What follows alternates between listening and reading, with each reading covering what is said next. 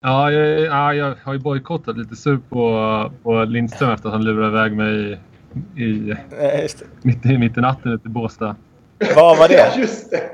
Ja, han, lägger upp, han lägger upp bilder på, på, han lägger upp bilder på Instagram då att han, han är ute i Båstad och, och härjar. varit med och spelat handboll eller beachvolleyturnering. Det gjorde jag också. Ja, och sen så skriver jag så ja, du ska ut ikväll där? Ja, för fan, säger han ju. Och jag är med, med Granen, så jag säger till mina polare då, så jag, eh, fan vad kul, ska träffa Granen ikväll? Så, så då har vi till den här strandkrogen eller var han är någonstans. Så då slår man upp dörrarna där som det vore så här vilda västern-film. Och där sitter ju ingen alls. Då är jag, ju, då är jag på strand, inte, strandkrogen då i Helsingborg.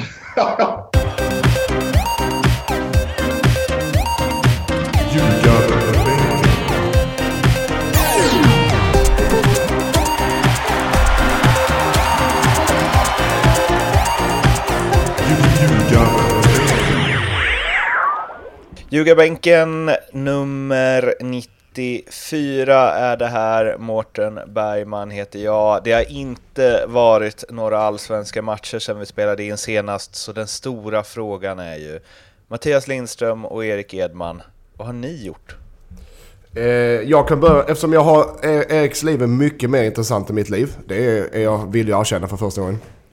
Så har jag, jag har gnuggat på i två åker. Jag kör upp och ner för vägen och vi tränar i vind och rusk och blåst och sol och allt vad det är. Eh, och sedan lagar jag mat och diskar och städar och tvättar. Och, ja. I ditt nya kök? I mitt nya kök som är färdigt. Där jag faktiskt, om jag ska vara helt ärlig, inte gjorde någonting. Förutom att casha. Men äh, gnugga på, du har ju ett drömjobb. Du är fotbollstränare. Ja, det var inte så jag menade. Ja, det var inte så I regn och rusk. Det var inte så jag menade. Jag försökte få framställa mig själv som lite mer, alltså lite, lite mer arbetare än vad jag är. Än vad du är, ja. exakt. Ja, hur går pågnuggandet då? Eh, så, så där. Vi har fyra matcher efter uppehållet, eller efter omstarten och tre förluster av dem. Så Eh, mm. vi, men då ska jag säga, då säger jag som Erik brukar säga när han pratar om Thelin. Prestationen har varit okej okay i många av dem. men inte resultatet. Torsk i helgen och han får dojan nu. ja men det är lite, det är som så här landslaget efter VM-grejen. Ja, nej. Men om jag ska vara helt ärlig, såklart att vi har förlorat tre av fyra matcher, det är inte bra och det är, inte, det är ohållbart i längden. Eh, men nu ja. är det, tabellen är som den är att Mjällby sticker. Vi förlorar mot dem med 2-1 eh, nu i helgen, eh, rättvist.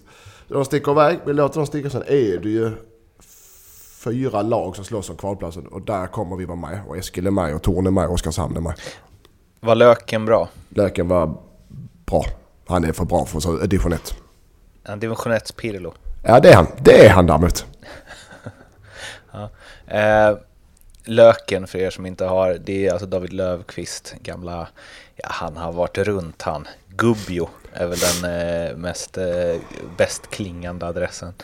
Eh, jaha, och till eh, helgen så väntar det en cupfinal. Ja. Derby de la Ljugarbänken här. Eh, Eskilsminne åker upp till eh, natursköna Övrevi i Tvååker och eh, spelar ett... Eh, ja, Årets match? Årets match. Årets eh, match. Ja, det är ganska enkla förutsättningar. Vinner Eskil går de om oss. Vinner vi så rycker vi ifrån dem. Så det är ganska enkla mm. förutsättningar. Men eh, Derby där ljugarbänken, vad, vad kan man förvänta sig för typ av match då? Ingen som vågar svara. Erik, tar du det Erik? Nej men det är väl hårt jobb från två lag som är, Det är bara klyschor här nu. Nej fy fan vad tråkigt. Vi kommer att spela 3-5-2 såklart. Men spelar ni 90 minuter? Spelar ni till domaren blåser? Exakt. Och bollen är rund.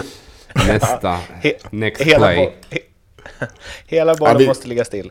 Vi kommer ja, köra sådana här äh, riktiga... Vi kommer göra allt för att vinna. Går den här att se någonstans eller? Den, den går att se på eh, ettan play. Eh, tror jag faktiskt går att se. Den livesänds där. Dessutom på Nordicbacks livestreaming också har vi lagt in den. Den är via min mobilkamera. Så att, eh. Jag tänkte ju så här, nu är jag kanske ute på djupt vatten. Eh, men nästa år så Unibet tar över allsvenskan är det va? Så kanske Nordicbet är läge att ta över division 1 och livesända där. ja, vi, kanske. Men du, kan du inte fråga Erik vad han har gjort, eh, hans vecka har varit? Erik, hur har din vecka varit? Den har varit bra. Jag har varit i Trabzon i Turkiet. Eh, gjort en match. Sen eh, satte jag mig på eh, inrikeskärra till Istanbul och sen ytterligare ett plan till Lissabon. Så var jag där i några dagar körde en match där och sen nu kom jag hem och nu har jag åkt på en sån jävla förkylning så jag håller på att dö här. Mm. Portugisjukan? Exakt. Vino Rojo där. Wienerrojo-sjukan. Jaha, hur var... Vi kan ju liksom smidigt via det då leda över det till... Eh, ja, vi börjar väl med, med pojkarna då, innan vi går till männen. Eh, U21. Kämpa på. Ja, u hade eh, en period i första halvlek där man spelade ganska bra. Men så får man ett mål i baken och sen har man en tung andra halvlek. Jag tycker inte alls man får igång spelet. Och ah, att få ganska svaga matcher efter att tidigare ha imponerat stort i det här kvalet. Så nu blir det en avgörande fight mot Belgien i Kalmar eh, i oktober här som avgör. Då måste man vinna den också. Och den är knepig va? Ja, definitivt. Och sen måste man, man måste ju gå för vinst också. Så det är klart att eh, roller de kan ju inte lägga sig på försvar utan det är full fart framåt. Ja, full fart framåt är det ju inte men det är ja, balanserad offensiv. Men är det något lag som- som- bakåt också. Ja, något Vad lag vad som- sa du? Om man tittar till spelarna i u är det något lag som känns som att okej, de har offensiva krafter i sig och kan forcera fram en match. Eh, är det väl det, de, de här spelarna, för det är my- mycket offensiv kraft i det laget alltså. Och Levi och Isak och Svanberg och Saletos, det är hur många som helst. Som, som man verkligen känns att de här kan avgöra matcher på egen hand. Jag tror det går vägen. Du, tro, du tror det går vägen Ja, alltså? det tror jag. Ja, Belgien har ju i, som i regel bra ungdomslag och alltid haft. Men eh, ja, Sverige är hemmaplan. I Kalmar sa du. Guldfågel Arena, det vet vi vad det betyder. Eh, jag, tror, jag tror att de klarar av det. Svårslagna hemma, är det det du ja, jag tror de klarar av det. Va, om vi, de, spelade, de slog ju Ungern med 1-0 innan de förlorade mot eh, Turkiet. Ehm, det här U21-laget, det, jag har följt dem via Twitter så att säga. Det, är många, det kommer många positiva ord eh, kring det. Många spännande spelare. Eh, de jag har sett mest Eh, framhävas är väl eh, Jonathan Levi, eh, Joel Asoro. Eh, och har väl funnits eh, jag vet inte om det har varit Saletros också kanske som har lyfts fram. Vad, vad säger ni om dem? Eh, nej, men det är väl som alltid, det är unga spelare. Det är, det är många som är jättespännande. Men det handlar ju för dem att eh, spela i sina klubblag. Och där är det ju en problematik nu. Eh, Av startelvan var det väl två från Allsvenskan tror jag. Eh, eller två från... Jag tror Joel Andersson spelar väl i Midtjylland och sen målvakten... Eh, ja, förlåt, Linné spelar ju såklart eh, i AIK då. Men, men eh, igår stod ju Dahlberg. Så det är många som sitter ute. Ehm, och Levi är ju en, en spännande spelare som spelar Rosenborg nu faktiskt. Så jag hade förmånen att ha faktiskt Levi i sex månader. Vi låg ju tok sist i division 2. Plockar in Levi sista 12 matcherna och han vände ju fullständigt upp och ner på hela, hela laget kan man väl säga. Och, och har väl åtta mål och fem, sex assist där sista 12 matcherna. Så att, eh, det är en jättespännande spelare. Just det här med att driva boll i fart och sen komma in och, och skjuta med sin vänsterdoja. Liksom. Jag tyckte han gjorde en bra match igår också. Lite underligt att Rolle valde att byta ut honom när, när de ligger under. Lite underligt att han gick alla allsvenska klubbar förbi också va? Ja, vi, jag spelade med honom. Jag, han var uppe i... Ja just det, det var i akademin där. Han var, spelade lite med u och B-laget i HF och i akademin. Då. Då, det var, stundtals var jag petad. Då fick jag spela, spela med de matcherna. Jag spelade mycket med honom. Eller mycket, en del. Och jag bland många sa till HF, ta honom snabbt så in i helvete alltså. Men jag vet inte vad som hände där. Varför de inte någon som har plockat upp honom. Nej, anledningen var att uh, han blev erbjuden ett, eh, ja vad ska man säga, någon form av lärlingskontrakt. Men det ville han inte. Och, och uh, så stack han till Boys istället. Fick spela där, var startspelare och, och liksom given hela tiden. Dra till Öster. Och när han var i Öster så var det många allsvenska lag som ville köpa honom. Men där pungade ju Rosenborg upp fem millar för honom. Så att, eh, det, prislappen var ju en anledning till att han inte hamnade i, i allsvenskan. What? Det är inte många som har gått från superettan till Nej. utomlands för den summan. Ja, Zlatan då, 82. Men förutom det. Nej, nej det är bra, bra scoutat. Ja, bra jobbat av Concha får man ju ge en fjäder i hatten Ja, ja. sannerligen. Honom skulle de haft kvar. Men han, Han- säljer hus i Spanien Det är mäklare i eh, Marbella. Ja, det är liksom... eh, kom- Han sa ju det när han skulle dit, att han bara ah, nej, men eh, säg till om du är intresserad av några hus där. Man bara, vad är det för jävla liksom, friggebodar han ska sälja egentligen som man tror jag har råd med? Men det är ju bara sådana jävla slott liksom, som poppar upp på hans Instagram. Jag vet inte vad han liksom tror om min ekonomi. Han, tror, han, Men han bara, har spelat i Bundesliga. Ja, gärna om du... Vad sa du? han har spelat i Bundesliga. Han förutsätter att alla tjänar sådana löner. Exakt, exakt. Alla kan väl ha ett hus i Spanien? Ja, eh, om vi hoppar ett snäpp upp där, vi håller ju tummarna förstås för våra U21-grabbar mot eh, Belgien. Det är den 16 oktober, Guldfågeln är redan be there. A-landslaget då? Efter ett VM som ju var en, eh, ja, det var en saga nästan. Den tog slut lite för fort, men det var på väg att bli en klassisk saga i alla fall.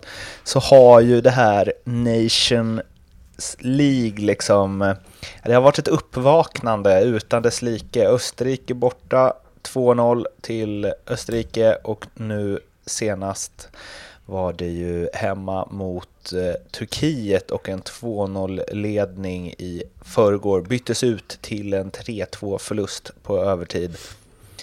Eh, och eh, ja, vad är det man säger? Eh, jag vet inte vad man säger, men det jag vill komma åt är att liksom, ju högre upp man är, desto tyngre faller man. Eh, och det får man väl verkligen säga att Jan Anderssons man har gjort. Eh, ja, det är väl första gången det blåser riktigt kring det här landslaget. Eh, Och VM som var en succé. Det är vi överens om. Men det blir också... När det blir att man vill... Nu, jag ska inte säga att man får hybris, men vi pratade om det lite innan. Man vill, man vill utveckla. Nu ser de sin chans. Okej, nu har vi spelat VM, vi har gjort det bra, vi var stabila, vi har legat rätt som lag och, och, och kontrat egentligen. Så kan man väl säga.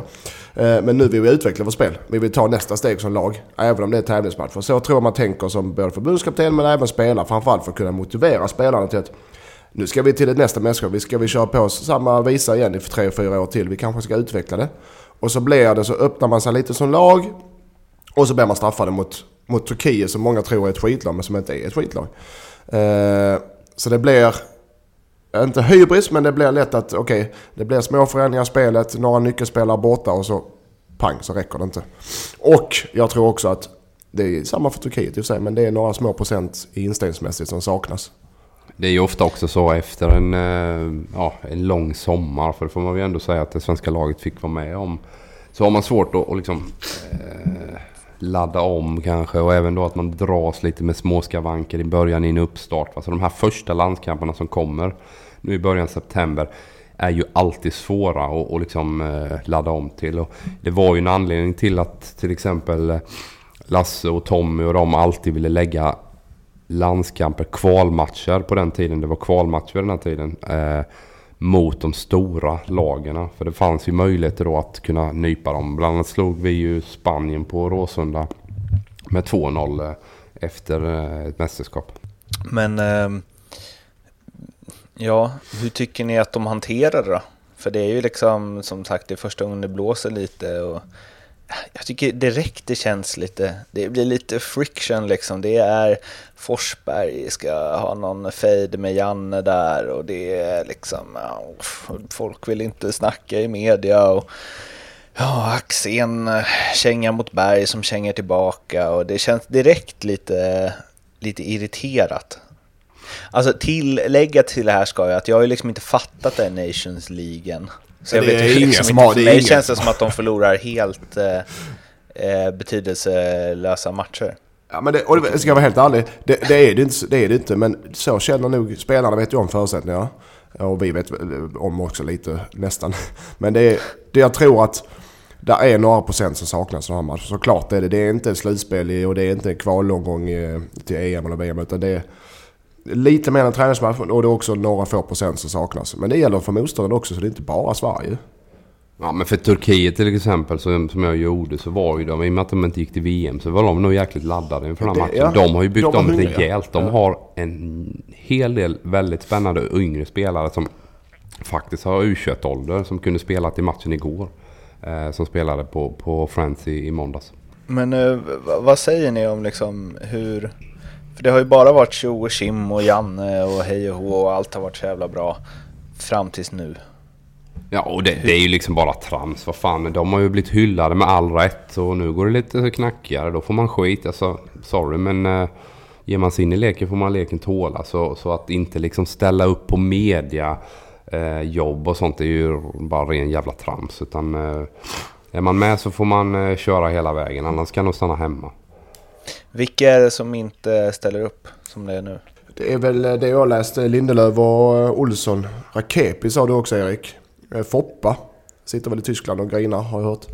Eh, och jag är väl på, inne på Edmans linje där att du har ett ansvar som eh, inte bara på plan, även utanför plan som eh, när du spelar landslag. Du representerar Sverige, du, du ska vara en förebild och föredöme. Du måste stå upp fast det blåser. Såklart man kan bojkotta om det blir tidningar som skriver grejer som är icke relevant för fotboll. Men när det är fotbollsmässigt, du står efter match, vinst eller förlust, du får stå där i vått och torrt. Det, det, det tillhör jobbet.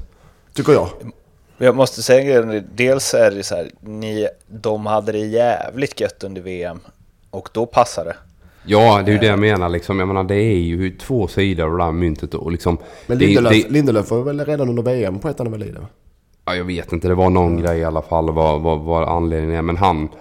Han, han själv gör ju inte så jättemycket media men hans eh, fru och tjej är ju rätt sugen på att liksom bygga varumärke. Så att, alltså någonstans är han väl okej okay med att, eh, att eh, hon kör en podd och så vidare. Nej, för fan. Alla de, de ska vara... Det finns finns klart och tydligt att man ska ställa upp på media så det är inget snack. Vad fan, det är bara att köra liksom. Och, och ehm, nu när det går lite sämre då för, för landslaget så, så är det inget mer än att man blir ifrågasatt. Eh, den här Axén-grejen tycker jag lite lite... Eh, alltså för mig är ju Marcus Berg våran överlägset bästa avslutare. Sen är jag fullt medveten om att han har inte satt dit målchanserna på väldigt länge. Så att det i sig befogar kritik. Men tittar man hans avslutningsteknik och hur han avslutar så är han den bästa avslutaren vi har haft i landslaget på väldigt länge. Ja, det, jag, håller med. Det, folk kanske tycker man är galen nu. För han bränner ju rätt friskt. Men han har... Jag tycker det är det bästa anfallaren vi har. Jag tycker det. Han har klass i, man ser hans rörelsemönster, han är stark, han kommer till avslutslägena. Sen är det just nu så har han dålig självförtroende, han saknar den sista. Men det tar eh, van Persie när han vann skytteligan i Premier League. 30 mål hade han en säsong. Nio matcher gick det utan att göra mål i sträck. Och då vann han ändå skytteligan på 30 mål. Och då kan man tänka sig, United på den tiden, vad kan de ha haft avslut? Vad kan de ha haft per mål? Eh, avslut per mål? Tre, fyra per match kanske? Och nio matcher, så det är många avslut som inte går mål. Så att det, för anfallare kommer det sådana, det kommer sådana perioder ibland. Det gäller bara att skaka av sig. Jag tycker att Berg ska spela. Jag tycker han är bästa anfallaren vi har. En eh, grej om eh, mediabojkotten då är ju att, alltså ett argument som ofta kommer upp är ju, är ju så här, ja men det är inte för medias skull, det är för fansen och bla bla bla och man vill ju höra spelarna efter det. Jag tycker inte det, för jag tror att så här, eh, no disrespect, eller lite kanske. Alltså, ingen jävel bryr sig om vad Victor Lindelöf och Emil Forsberg säger efter matcherna, för de är ändå så sjukt tråkiga i alla lägen. Eh, så det, jag, det, spelar liksom, det spelar noll roll. Men däremot, det jag tycker som de gör fel, och Robin Olsson och Erdar Rakip, som väl inte heller är några liksom, som man känner wow när man läser intervjuer av. Eh, men det som blir är ju att det blir en onödig irritationsgrej som medierna ändå tar upp och som, jag vet inte om det stör truppen, men det blir negativa skriverier om vårt landslag. För att de inte pallar stå upp när det går lite kämpigt.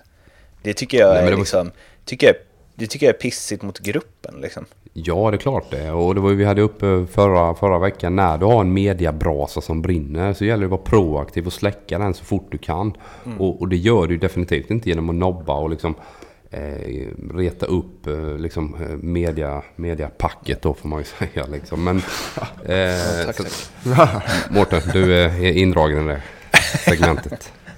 Nej men vad fan, är, vad, ska man, uttala dig, liksom städa av det och sen gå vidare i livet liksom som vi var inne på, det går upp och ner och det gäller bara liksom äta upp det.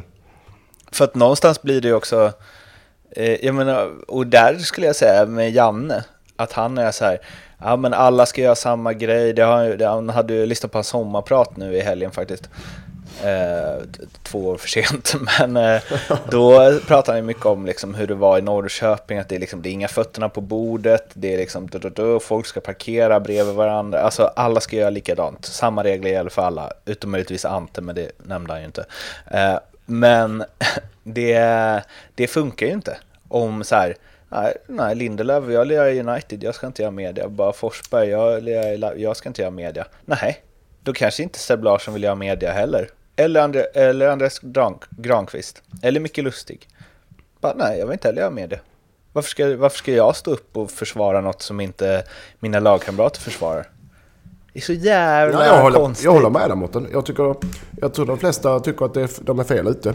Och jag tycker, det som Erik sa, det kanske till och med står i någons kollektivavtal där att du ska ställa upp för media. Jag tycker, eh, vem är det som är mediansvarig nu? Jag kan inte det, men det, det handlar ju om solidaritet. Jag menar, Janne har ju byggt det här laget efter att Zlatan slutade genom hårt jobb och att man ställer upp på en matchplan och så vidare. Det här är ju att inte ställa upp på en matchplan för mig. Eh, att, att, börja hitta på egna lösningar eh, när det passar vissa och, och, så vidare. Utan här handlar det fan gör media, gå vidare liksom. Eh, och det är jätteviktigt för, för hela gruppdynamiken att, att eh, man får de här spelarna att eh, liksom rätta in sig i ledet. Mm. För alla, vad, alla vad tror ni Janne gör åt det då? Eller liksom... ja, men om, om, det, om, det, om man märker att det här börjar spåra iväg nu, det är fokus på fel grejer, så kommer han nog rätta till det. Det är övertygad För de spelarna vet i slutändan att Janne tar ut laget. Eh, det kan ju vara... Han, Jannes ledarstil är ju, du behöver inte vara den bästa fotbollsspelaren så länge du har laget för jaget. En sån här grej är ju inte, som vi har varit inne på, det, det tillhör fotbollen också. Så att eh, jag tror mycket väl de kommer ändra sig. Om, om Janne stämmer av kommer de ändra sig. Och där, och där för att ta det till ytterligare nivå då, Emil Forsberg, den påstådda konflikten som finns mellan dem, som jag inte riktigt fattade vad den skulle innebära, eller innehålla. Och frågan är, var kom den ifrån? Ja, surret som finns är ju att han vill ha en mer fri roll i det här laget. För han känner sig lite låst av det defensiva ansvaret. Det är ju det som är liksom starten, eller det som har snackats i korridorerna. Någonstans så är det så här också att Emil Forsberg var vår bästa spelare under kvalet och då han avgjorde matcher och han hade faktiskt en ganska fri roll. Nu har han ju inte levererat. Eh, och om han då känner sig låst så handlar det någonstans om att han själv måste Börjar liksom komma upp i samma nivå som man hade tidigare. Det, därefter så tror jag att det finns en acceptans att han då och då inte alltid är på rätt sida i försvarsjobb när han avgör matcher. Vi hade, jag hade själv Fredrik Ljungberg till exempel framför mig och det var inte alls att han alltid var på rätt sida. Men vad fan, han tog ju löpningar in i box och eh, avgjorde matcher. Så det är klart att vi måste anpassa eh, Eh, vårt spelsätt efter, att, efter hans kvaliteter. Eh, och lite samma där är det med Forsberg. Han, han kommer kunna ha frihet på ett, på ett annat sätt och kanske på det sättet han vill när han levererar. Men bottom line, han har inte varit tillräckligt bra nu på slutet. Och där tror jag, alltså det har ju inget med Jannes spelsystem att göra om man såg på liksom Traustatssons roll i IFK Norrköping när de vann guld. Fast i och för sig, för han hade ju liksom Emil Forsberg-rollen då och fick vandra och in centralt och ha sig. Men han, han kämpar ju sin i helvete också. Ja, och det gör ju Forsberg också såklart. Men han... Man kan, det är lite så, man, man kan inte springa runt och ställa krav om man inte själv är, eh, är redo och, och börja rätt ände. Han måste börja, han måste börja sen får han jobba sig uppåt igen för han har ju kvalitet. Nej, sen när blev men, Emil Forsberg en sån jävla grinis? Ja men frågan är, kommer det från Emil själv det här eller kommer det från någon av hans rådgivare kanske som tycker att fan min spelare han är bäst i det här landslaget. Varför har inte han, får inte han göra som han vill? Det kan vara att det blir påtryckningar utifrån också. Ja, men det, det, här är ju första testet för Emil Forsberg kan man väl säga. Sen, sen han lämnade Sundsvall har det varit en, en galen saga. Alltså det har ju bara gått bra, bättre och bättre och bättre och bättre. Och han, det snackas om liksom Liverpool och, och han ska säljas för 300-400 miljoner. Så det är första gången det blir en riktig, riktig tuff period för honom. Där han känner säkert frustration kring att han inte får ut allt han känner att han har inom sig. Och då kanske han känner att ja, men Janne låser mig med sitt sätt att vilja spela fotboll. Det är ju helt fel att tänka. Han måste börja gå till sig själv. Var, varför får jag det inte att funka? Uh, för han har inte varit bra i landslaget. Har vi en eh, liksom Per Zetterberg-situation som blossar upp? Nej, nej, nej det tror jag... Jag försöker bara vara lite... Nej, men jag, jag, jag förstår. Jag tror uh, Foppa uh, han, eh, han har nog bra, han har familj. Ja, det hade Zetterberg också. Men jag tror inte han kommer att spåra så. Det är en norrländsk, lugn, fin kille i grund och botten. Jag tror det kommer gå till helvete. ja, mediapacket tror det. Ljugarbänken, tishor och Simor abonnemang har vi flera av och de ska ut till er som ryggar Mattias eller Eriks trippel med 99 kronor, inte en krona mer, inte en krona mindre, utan 99 spänn hos NordicBet så är ni med i utlottningen av en Ljugarbänken t-shirt och ett Simor abonnemang gratis i en månads tid så ni kan följa i alla fall en del av slutspurten av eh, allsvenskan och då undrar vi förstås, ska vi ringa Leo? Hallå? Hallå? Hallå Leo! Hallå? Äntligen! Eh, Hur är det med dig? Jo, bra. Jag hade helt glömt bort att du skulle ringa. Vad kul. Det var inte igår du var med här, har du saknat oss? Har du somnat? Ja, jag, ja, jag har ju bojkottat lite sur på, på Lindström efter att han lurade iväg mig i, i, mitt, i, mitt i natten ute i Båstad. Vad var det? Ja, Han lägger upp, han lägger upp bilder på, på, han lägger upp bilder på Instagram då att han, han är ute i Båstad och, och härjar. varit med och spelat handboll eller beachvolleyturnering. Ja, och sen så skriver jag så ja, du ska ut ikväll där? Ja, för fan, säger han ju. Och jag är med, med Granen, så jag säger till mina polare så jag, eh, fan vad kul, ska träffa Granen ikväll. Så. så då har vi till den här strandkrogen eller var han är någonstans och då slår man upp dörrarna där som det vore en så här Vilda Västern-film. Där sitter ju ingen alls. Då är jag, ju, då är jag på strand, vet inte, strandkrogen då i Helsingborg. så, ska jag säga så här. Jag, jag, jag vet inte hur det var nykter. Jag var heller inte nykter. Jag ska säga så att när jag skrev så skrev jag. Men, jag skrev att jag är på strandkrogen så kom hit. Och det kan ju lätt missuppfattas. Eller hur? Ja, men hur kan du tro att jag på min semester skulle sätta min fot i Helsingborg? Jag tror att alla skulle vara i Helsingborg. Alltid. Det är det, det, det, det, är det jag utgår från. Men Leo, om du springer runt och så. Ja, jag, jag bjuder ner dig till... Eh, Lång tystnad. Men, men det löste sig rätt bra för jag träffade ju Mårten där senare på kvällen. Så vi hade ju ett jävla Ja. ståhej. Ja. Det är liksom Bergman slash Granqvist. det, då var det ödet. Då var det ödet. Det är s- Same Jag same. siktar mot Eh. eh, stjärnan. Stjärnorna når till Men det är trädtoppen. trevligt. då. Fast tvärtom i det här fallet blir det. Ja, ja, herregud. Missar du något? Ja. Eh, nej, men, eh, det är roligt att, att vi har liksom ägnat halva det här programmet åt att eh, klanka ner på att eh, Lindelöf och Forsberg och kompani bojkottar media i landslaget. Så det första när vi ringer upp dig är att du har bojkottat. vi gör samma grej i den här podden. Men nu får du inte bojkotta mer för nu är det tripplar här från eh, Lindström och Edman. Just det. Just det. Ja, låt höra. Ja. Erik ja, Erik börjar för han är sämst. Ja, men jag har IFK Norrköping, AIK, etta kryss. Eh, Djurgården, BP där tog säkert etta. Och sen har vi en eh, superetta-fight här. Halmstad vinner eh, Hallandsderby mot Varbergs Boys. Vad får jag för den? Eh, Och inget jävla tramsigt. Det, är, den- det är den fegaste tippen som i, i Ljugarbänkens historia. Du var inte lyssnat på förra veckans program.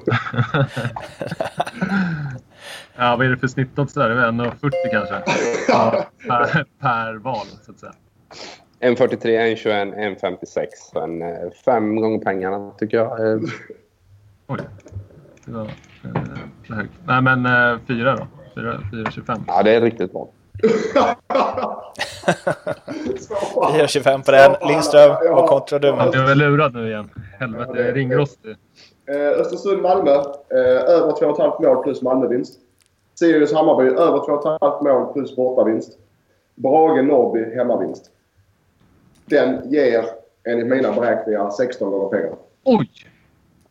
Fan, nu... Äh, nu ja, alltså, jag har inte den här framför mig, så det, det känns som att du luras här. Jag, Ja, jag det, säger det vet du inte. Du kan inte lita på mig. Det har du lärt dig nu. eh, 10 på det.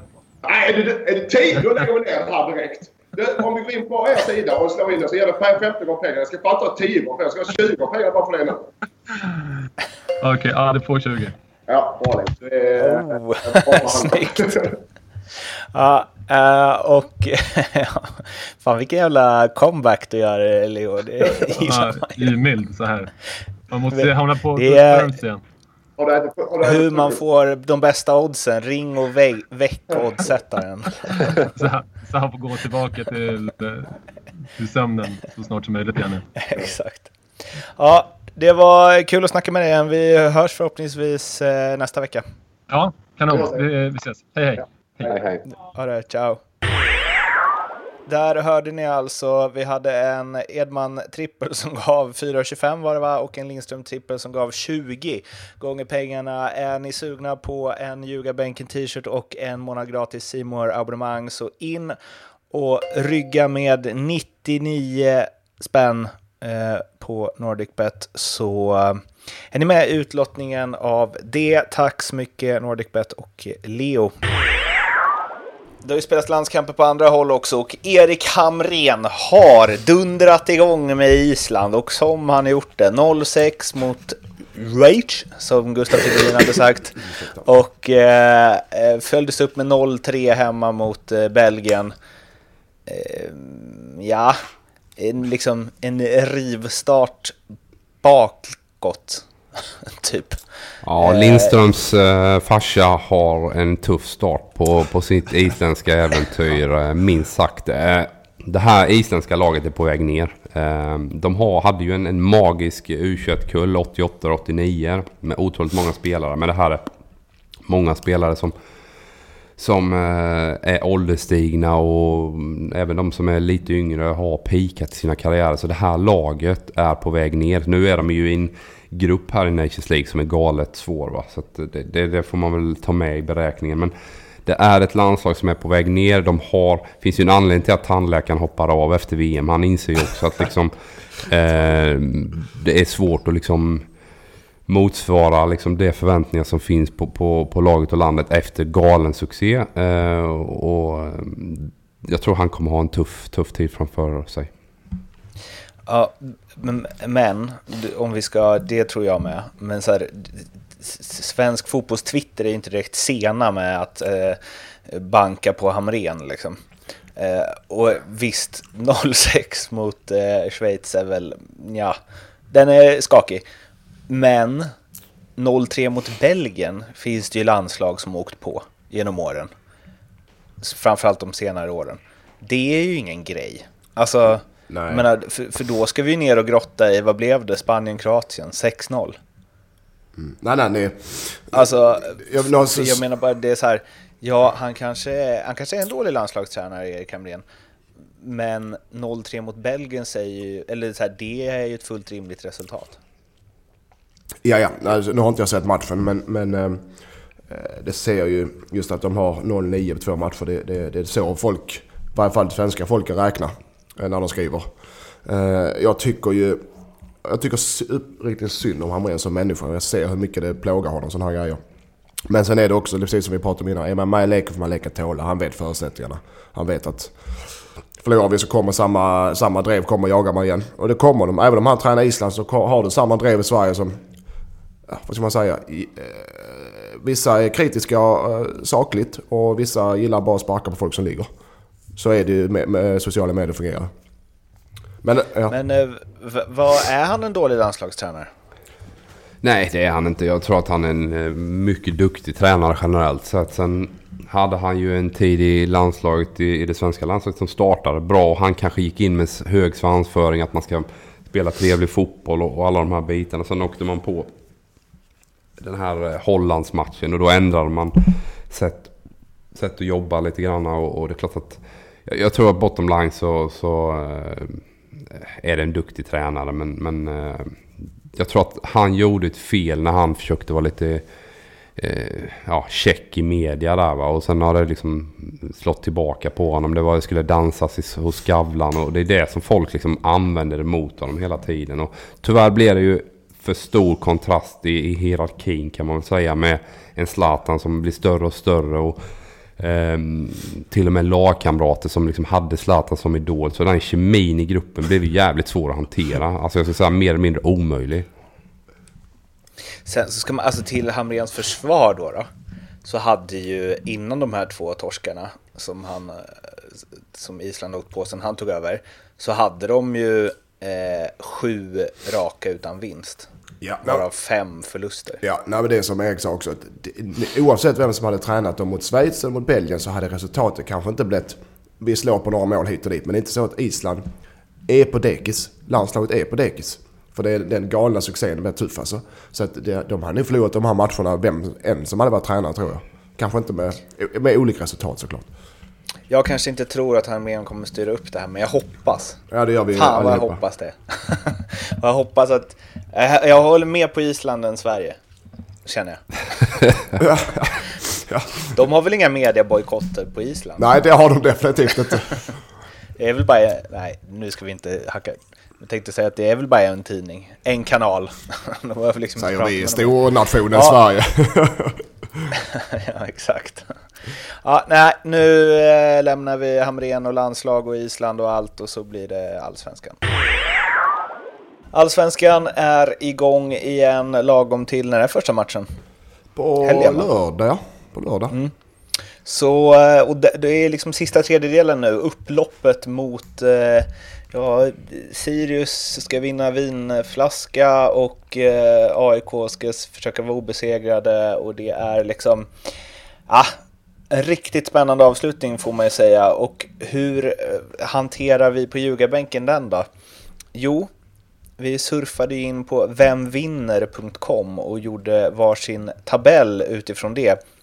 Och eh, om vi börjar med eh, eh Eriks så har du efter, och då är vemvinner.com då, alltså man fyller i resultaten i alla kvarvarande matcher, så räknar de ut eh, hur tabellen ser ut i slutändan då. Och enligt Eriks tabell så vinner AIK på 69 poäng, Bayern 2 63 poäng, Norrköping 3 62 poäng och sen eh, på Nedflyttning Trelleborg sist 16, BP näst sist 18 och Dalkurd får kvala på 20. Mattias å sin sida har AIK som segrare han också med 65 poäng, en pinne före Bayern på 64 och sen Malmö FF på tredje plats på 61. Trelleborg sist 16, Dalkurd näst sist 18 och Sirius får kvala på 23 poäng. Och sist, och kanske även minst, eh, min tabell då. Och den slutar på att AIK och Hammarby har båda 67 poäng. Men AIK har sju bättre plusmål. Och sen kommer Malmö på 65 poäng på en tredje plats. Dalkurd sist på 15, BP 18 och Sirius kvarar på 22. Sen vet jag inte riktigt hur vi ska ta det vidare härifrån. Vad, eh, alla slutar ju med AIK som vinnare. Ni är lite säkrare på det än vad jag är. Ja, men nej, jag, får jag börja? Ja, det får jag. Det är vår podd. Eh, nej, jag, det finns jag tror mycket på mönster. Där, under säsong, över en hel säsong. Det finns ingenting som tyder på att AIKs mönster ska bli annorlunda. De, vi var på dem i början av året. Vi var på dem på försäsongen i cupen. Ja, det här ser inte bra ut. Och det är, de vinner och de har tur. Vi fortsatte hela jävla våren. Ja, de vinner med uddamålet. Det ser inte bra ut, men de vinner. Så har det varit hela året och de har vunnit. Men nu har de börjat spela bra de sista 7-8 omgångarna. De spelar bra och vinner med två och tre mål varenda match. Och så det ser bra ut. Så det finns ju ingen som tyder på, även om de går ner i en svacka, så kommer de inte förlora matcherna på samma sätt. För de, de är så jäkla stabila. Fast de spelar dåligt vinner de och nu spelar de bra. Så jag ser ingenting som tyder på att AIKs mönster kommer att brytas. Ingenting. Tyvärr. Nej, men jag är inne på det samma linje där. De, de eh, har ju ett ramstarkt försvarsspel som ligger till grund för, eh, ja, för AIK och det Norling har byggt upp. Sen har man ju släppt det på, på handbromsen lite grann. För det, som jag sa, jag kritiserar ju det här fega spelet eh, under våren. Eh, när man har lite för många kryss. Nu har man ju liksom sju raka segrar och de kommer säkert gå på någon mina här och där. När de möter Malmö till exempel. Så att, eh, men, men de, är, de är bäst. Det är inget snack om saken. Dessutom har de ju ett spelschema. Om du jämför Malmö då som ska in i Europa League och köra dubbelt eh, väldigt mycket här nu då. Så, så AIK är grymt bra. Grymt starka. Men om vi säger så här då. De startar ju mot Norrköping på söndag borta. En de kryssade ju hemma mot Norrköping, var ju faktiskt nära att förlora den. De ledde med 2-0, tappade till 3-2 och Norrköping öste på där även vid 3-3. Borta, sen har de Hammarby i ett, eh, ja det blir väl den största publiksiffran någonsin på Friends. Um, hemma, ett derby, det vet vi, kan gå hur som helst.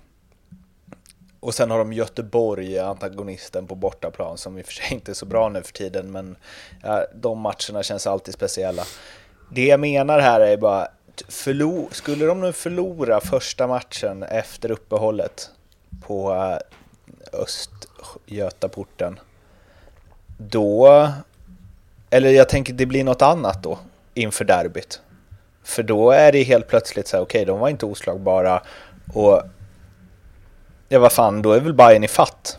Om de vinner. De är inte oslagbara liksom. Det, det är ju någonting, det är en känsla de har inom sig nu. Och även jo men förstår att den kan ju rubbas ja, på det ja, sättet. Definitivt. Bara direkt det, det efter omstarten. Det är det som är så sjukt med fotboll. Man, liksom, man, man tror att man möter ett oslagbart lag. Sen så får man in en billig boll själv och så vinner man den matchen. Och sen börjar det liksom knorras lite och man börjar ifrågasätta. Och så kommer det en match till här i derbyt. Så det är klart att det, det, är fullt möjligt. Men jag tycker ändå att de visar ju ändå stabilitet som inget annat lag gör faktiskt. Så att, eh, jag kan, kan vi säga så här då? Att om AIK nu inte ska vinna så är det ju de två matcherna som kommer nu som... Alltså torsk borta mot Norrköping direkt. Bayern vinner sin. Det skiljer bara två poäng inför derbyt. Ja, nej, nej. Och det kommer, det kommer bli jämnt. Hammarby AIK kommer bli jämnt hela vägen med. Det kommer ju bli svinjämnt. Ja. De kommer ju sluta på samma poäng. Nej, det kommer, nej, det kommer, nej, det kommer de inte. Men det, det kommer bli roligt hela, hela vägen i slutet. Men det är också... AIK har inte... Eller så säga så, de har spelarna som kommer klara så det inte blir något det här dipp. De har Seb och Enok och de har, de har de här spelarna som eh, Per och som klarar lyfta det fast. Det blir, vi säger det blir förlust mot Norrköping, förlust i derbyt. De kommer inte falla igenom ändå. Inte hela vägen. Men de, de har ju ett ganska svårt schema ändå. Derby borta mot Djurgården sen, sen har de Malmö hemma direkt på det och sen Östersund borta. Ja, ja nej, de, men ska du ta guld, ska du ta guld så, så eh, finns det inga andra vägar att vinna de här matcherna. Eller vinna rätt matcher så, så, så ska jag säga. Mm. Ja, okej. Okay, eh, och du och jag, Lindström, tror mm. ju hårt på, eller var det du och jag, Edman, som tror hårt på eh, Malmö? Ja, det är du och jag, Mårten. Ja, det är du och jag. Och du gör inte det, Erik? Du tror inte de pallar i samband med Europaspelet, eller? Nej, det är ungefär min motivering där. Jag tycker de har gjort det makalöst bra här nu, men han har ju valt att liksom tugga med samma gubbar här. Och när det blir den här typen av Europamatcher så, så skäl det otroligt mycket mental energi och även fysisk påfrestning. Eh, jag tror att man kommer ha en del dippar, framförallt på bortaplan. Eh, där man kan, kanske inte förlorar, men man tappar poäng. Va? Så att, eh, jag tror att Malmö slutar fyra här och Norrköping gnuggar till sig en, en tredje plats. Ja, men eh, utifrån eh, de tio matcher som är kvar nu då. Jag försöker ju trycka hårt här på Norrköping borta för AIK och derby. Vad finns, finns det några andra nyckelmatcher ni ser som liksom där tabellen kan ta vägen åt olika håll för andra lag. Liksom. Vi har ju en omgång 23. Har vi en riktig ödesmatch mellan Trelleborg och Dalkurd. Mm. Där, nu har jag att jag, när vi gjorde den här listan ser jag att jag satt ett kryss där. Det kommer inte bli kryss. De lagen vet, är det någon match i sista de gör som fotbollslag är att vinna så är det den matchen. Trelleborg-Dalkurd omgång 23, där har du en, där är en, det är en ödesmatch. Derby de la nedflyttning. Ja, ja. Eh, vad fan har vi mer? Eh. Men det är också intressant för båda, alltså det är ju... Jag skulle säga din, din tabell är lite jämnare, eh, Erik. Det är, liksom, det är inte lika stort glapp i mitten där. Det är liksom 45, 42, 42, 40, 38. Medan i Lindström så är det ju 46 på åttonde plats Östersund och sen 7 poäng ner till Kalmar på nionde. Det är ja, jag, mer två jag, tydliga uppdelat i, i Lindström sen i din. Ja, och, alltså ser man poängsnitt här de här sista tio matcherna. Det kommer nu en, en fem matchers, fem omgångars period kan man väl säga. Där liksom motivation definitivt slår klass. Eh, så de lagen som, som känner att man har mycket att spela för och ofta då första målet får, får liksom spela på det kommer att avgöra den typen av matcher första, de här, de här fem omgångarna. Sen har vi ju Sen blir det liksom slutforcering och då kommer nerver in på ett annat sätt här. Eh. Men då har det ju, det kommer, det blir ofta så att när det är motivation så blir mittenlagen, de, de tappar sina poäng. De kommer inte ta sina poäng. Bottenlaget kommer att plocka Alltid något lag som halkar efter, Trelleborg i det här fallet. Sen har du topplagen kommer att rycka för de, de är motiverade. Det är, mitt, det är därför det blir så, det är därför jag har så stort glapp för de kommer inte klara det på hösten. Kalmar kommer inte klara det, Elfsborg, ja Elfsborg men, men Örebro och de här de kommer Kalmar kommer vara obesegrade hemma ju. Ja, det var, nu har de ny tränare så det, det, mitt, det räknas inte mitt val. Men eh, vad skulle... Jo, båda vi har, eller alla vi har ju att AIK förlorar bara en match. Vilken tror ni de förlorar? Jag har ju Malmö hemma. Också kul eh, Lindström att du bara ah, det kommer inte hända att de hamnar på samma poäng, inte en chans. Och sen så du, du har att AIK har en poäng. ja, ja. Vad totalt sågar min spådom om att de kommer på samma poäng. Bara, Nej, det är helt orimligt. Jag, jag har faktiskt Östersund borta i omgång 28. 2-1 mm. Östersund. Ja. Ska jag motivera det? Den är bra. Ja, ja men det är mest för att... Det, jag tror det är starkt på... vilken har du då Erik? Jag tar omstarten här nu mot Norrköping. Jag tror att Norrköping eh, spöar AIK på... till helgen. Utifrån alla våra tabeller då så måste vi ändå... Om AIK inte vinner guld, hur stor skräll är det? Det är en stor skräll. Det är väl som eh, Melodifestivalen när eh, juryn röstar och sen så eh, är det nästan överlägset men kommer publiken in och ändrar. Nej, AIK. Du, du, jag tror också på det som jag sa innan. Är du stabil över hela året som de är så kommer det, det lönar sig längre. De kommer vinna. Och det är bara AIK och Bayern vi snackar om? Ja, det är, är det. Och Bayern kommer inte orka hela vägen här. Jag tycker de har imponerat på mig uh, hela säsongen. Men de är trots allt inte riktigt vana att vara i den här situationen. Hade däremot Malmö gjort en bättre vår så tror jag att uh, Malmö mycket väl hade kunnat blanda sig i det. Så kan man inte säga heller. Det är klart man kan. Det kan vi inte säga. Och hade de gjort, hade de gjort bra, hade de förlorat de här fyra matcherna så hade de varit med i Gusten. Ja, har vi pratat hela fucking programmet om är med leker för leker tåla? Ja, det, det, är 30 matcher du spelar. Den här ja, tabellen ljuger om, om sa jag ju för fan. Ja, men det om inte fel. om fanns. Nej. Så kan man inte säga. Eh, men om då hade två åker spelat eh, rolig fotboll. Nej, förlåt. Ja, det var det för den här veckan. Eh, ska be om ursäkt för alla plinganden om det nu har eh, gått in i min eh, mikrofon. Men jag vet inte, det blev någon vajsing med ljudet här. Ni ska slippa pling nästa program eh, som är avsnitt eh, 95. Det är inte många kvar till 100 nu vet inte riktigt vad vi ska göra då. Vi kanske sänder live från eh, innerplan på guldfesten eller något liknande. Får väl se. Det beror lite på var den guldfesten blir någonstans. Uh, nu uh, ser vi oerhört mycket fram emot nästa vecka också eftersom då finns det ju en summering uh, utan dess like av Derby de la Ljugarbänken att inta. Jag får väl önska er båda lycka till där helt enkelt. Stort tack. Stort tack. Stort tack på Micke Stare maner. Och oss eh, följer ni ju som ni vet på Facebook och Twitter och Instagram och prenumerera gärna och ge lite stjärnor och sånt på iTunes så blir vi glada. Vi hörs igen om en vecka tills dess. Må fint. Hej då. Tjena.